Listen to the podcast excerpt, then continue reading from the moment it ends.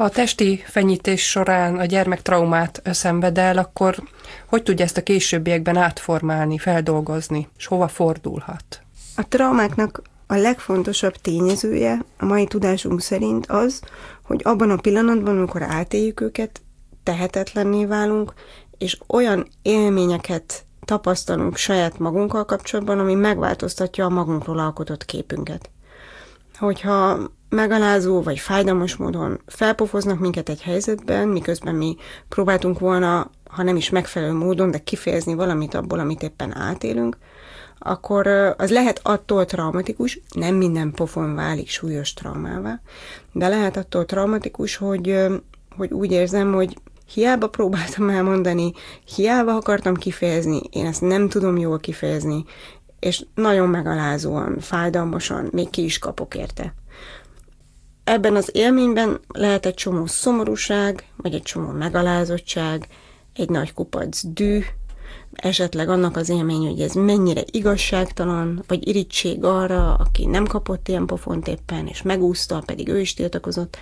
Szóval rengetegféle érzés, de ezek nagyon nehezen átélhetők. Főleg azért nem, mert egy olyan embertől kaptam ezt a pofont, aki egyébként nagyon szeret engem, aki egyébként nagyon fontos nekem, akitől függök, akivel jóban szeretnék lenni.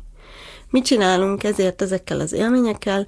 Hát elcsomagoljuk őket valahová, nem gondolunk rájuk, vagy elkezdjük őket megszépíteni, és azt mondjuk, hogy ugyan már, én is sok pofont kaptam, mégis ember lett belőlem. És aztán ezt megideologizálva átéletjük a saját gyerekeinkkel ugyanazt, ami annak idején nekünk nagyon nehéz volt. A traumák feldolgozásának az útja, az valahogy úgy néz ki, de ez nem szokott egyik pillanatról a másikra, vagy egyetlen fagyizásnyi idő alatt megtörténni, hogy az ember megtalálja és átéli azokat a nehéz érzéseket, amik ahhoz az eseményhez kapcsolódnak. A szomorúságot, a dühöt, az irítséget, a megalázottságot, a tehetetlenséget, de ezeket nagyon nehéz kibírni.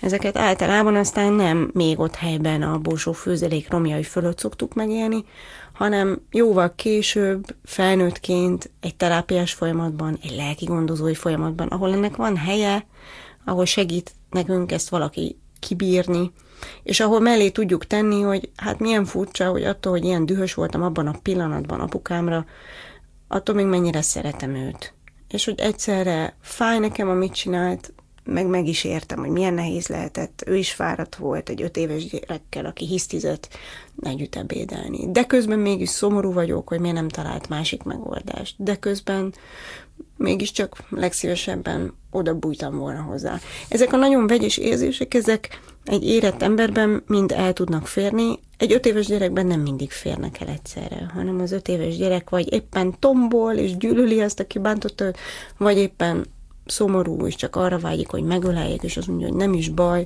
hogy bántottál, mert igazából csak az a fontos, hogy szeres, és csinálj bármit. Mit mutatnak a kutatások? A bántalmazott gyerek nagy valószínűséggel bántalmazó szülő lesz, kialakul egy ördögi kör, és a rossz minta tovább él? Kétféle eredménye van a statisztikáknak. Az egyik azt mutatja, hogy azok, akik bántalmazottak voltak, sokkal, de sokkal nagyobb arányban válnak újra bántalmazottá az életük során. Valahogy az ember lelképe beépül az a működésmód, hogy a kapcsolatoknak az ára az az, hogy bántalmazás legyen. Vagy hagyom magam bántani, vagy itt fognak hagyni akkor tudok közel lenni valakihez, ha elviselem a tomboló dühét vagy az indulatait, különben elhagy. Ez egy nagyon gyermeki üzemmód, felnőttként tudatosan ritkán gondolkodunk így, szoktuk gondolni, hogy hát már csak nem hagyom, hogy valaki bántson, nincs erre szükségem, de gyerekként akkor is nagy szükségünk van a szüleink szeretetére, meg közelségére, ha bármennyire is bántanak minket közben. És ez be tud épülni, hordozhatjuk tovább, és döbbenetes módon újra áldozatokká válunk kisebb vagy nagyobb mértékben. És van egy másik statisztika, ami valóban azt mutatja, hogy azon embereknek a legnagyobb része, aki bántalmazóvá válik valamilyen formában felnőttként, nem mind, de nagyon nagy arányban bántalmazottak voltak gyermekként. Ez nem azt jelenti, hogy mindenki, aki bántalmazott, bántalmazóvá válik, és azt sem jelenti, hogy minden bántalmazó volt bántalmazott, de nagyon nagy a metszete a két halmaznak. Február 20-án engem is vertek, mégis ember lett belőlem címmel tartottak szemléletformáló szülőklubot, a Pro Juventa Alapítvány és a Murmó Szakpszichológiai és Művészetterápiás Központ együttműködésében. Elsőként vizsgáljuk meg ezt a sokat hallott, sokat hangoztatott címadó frázist. Miért mentegetjük a bántalmazót a bántalmazás bagatelizálásával? A mentegetés oka a szerető kapcsolat. Az, hogy egyik részről van bennünk egy, egy nagy vágy arra, hogy azokat, akik szeretnek minket, és akiket mi szeretünk, azokat jónak lássuk.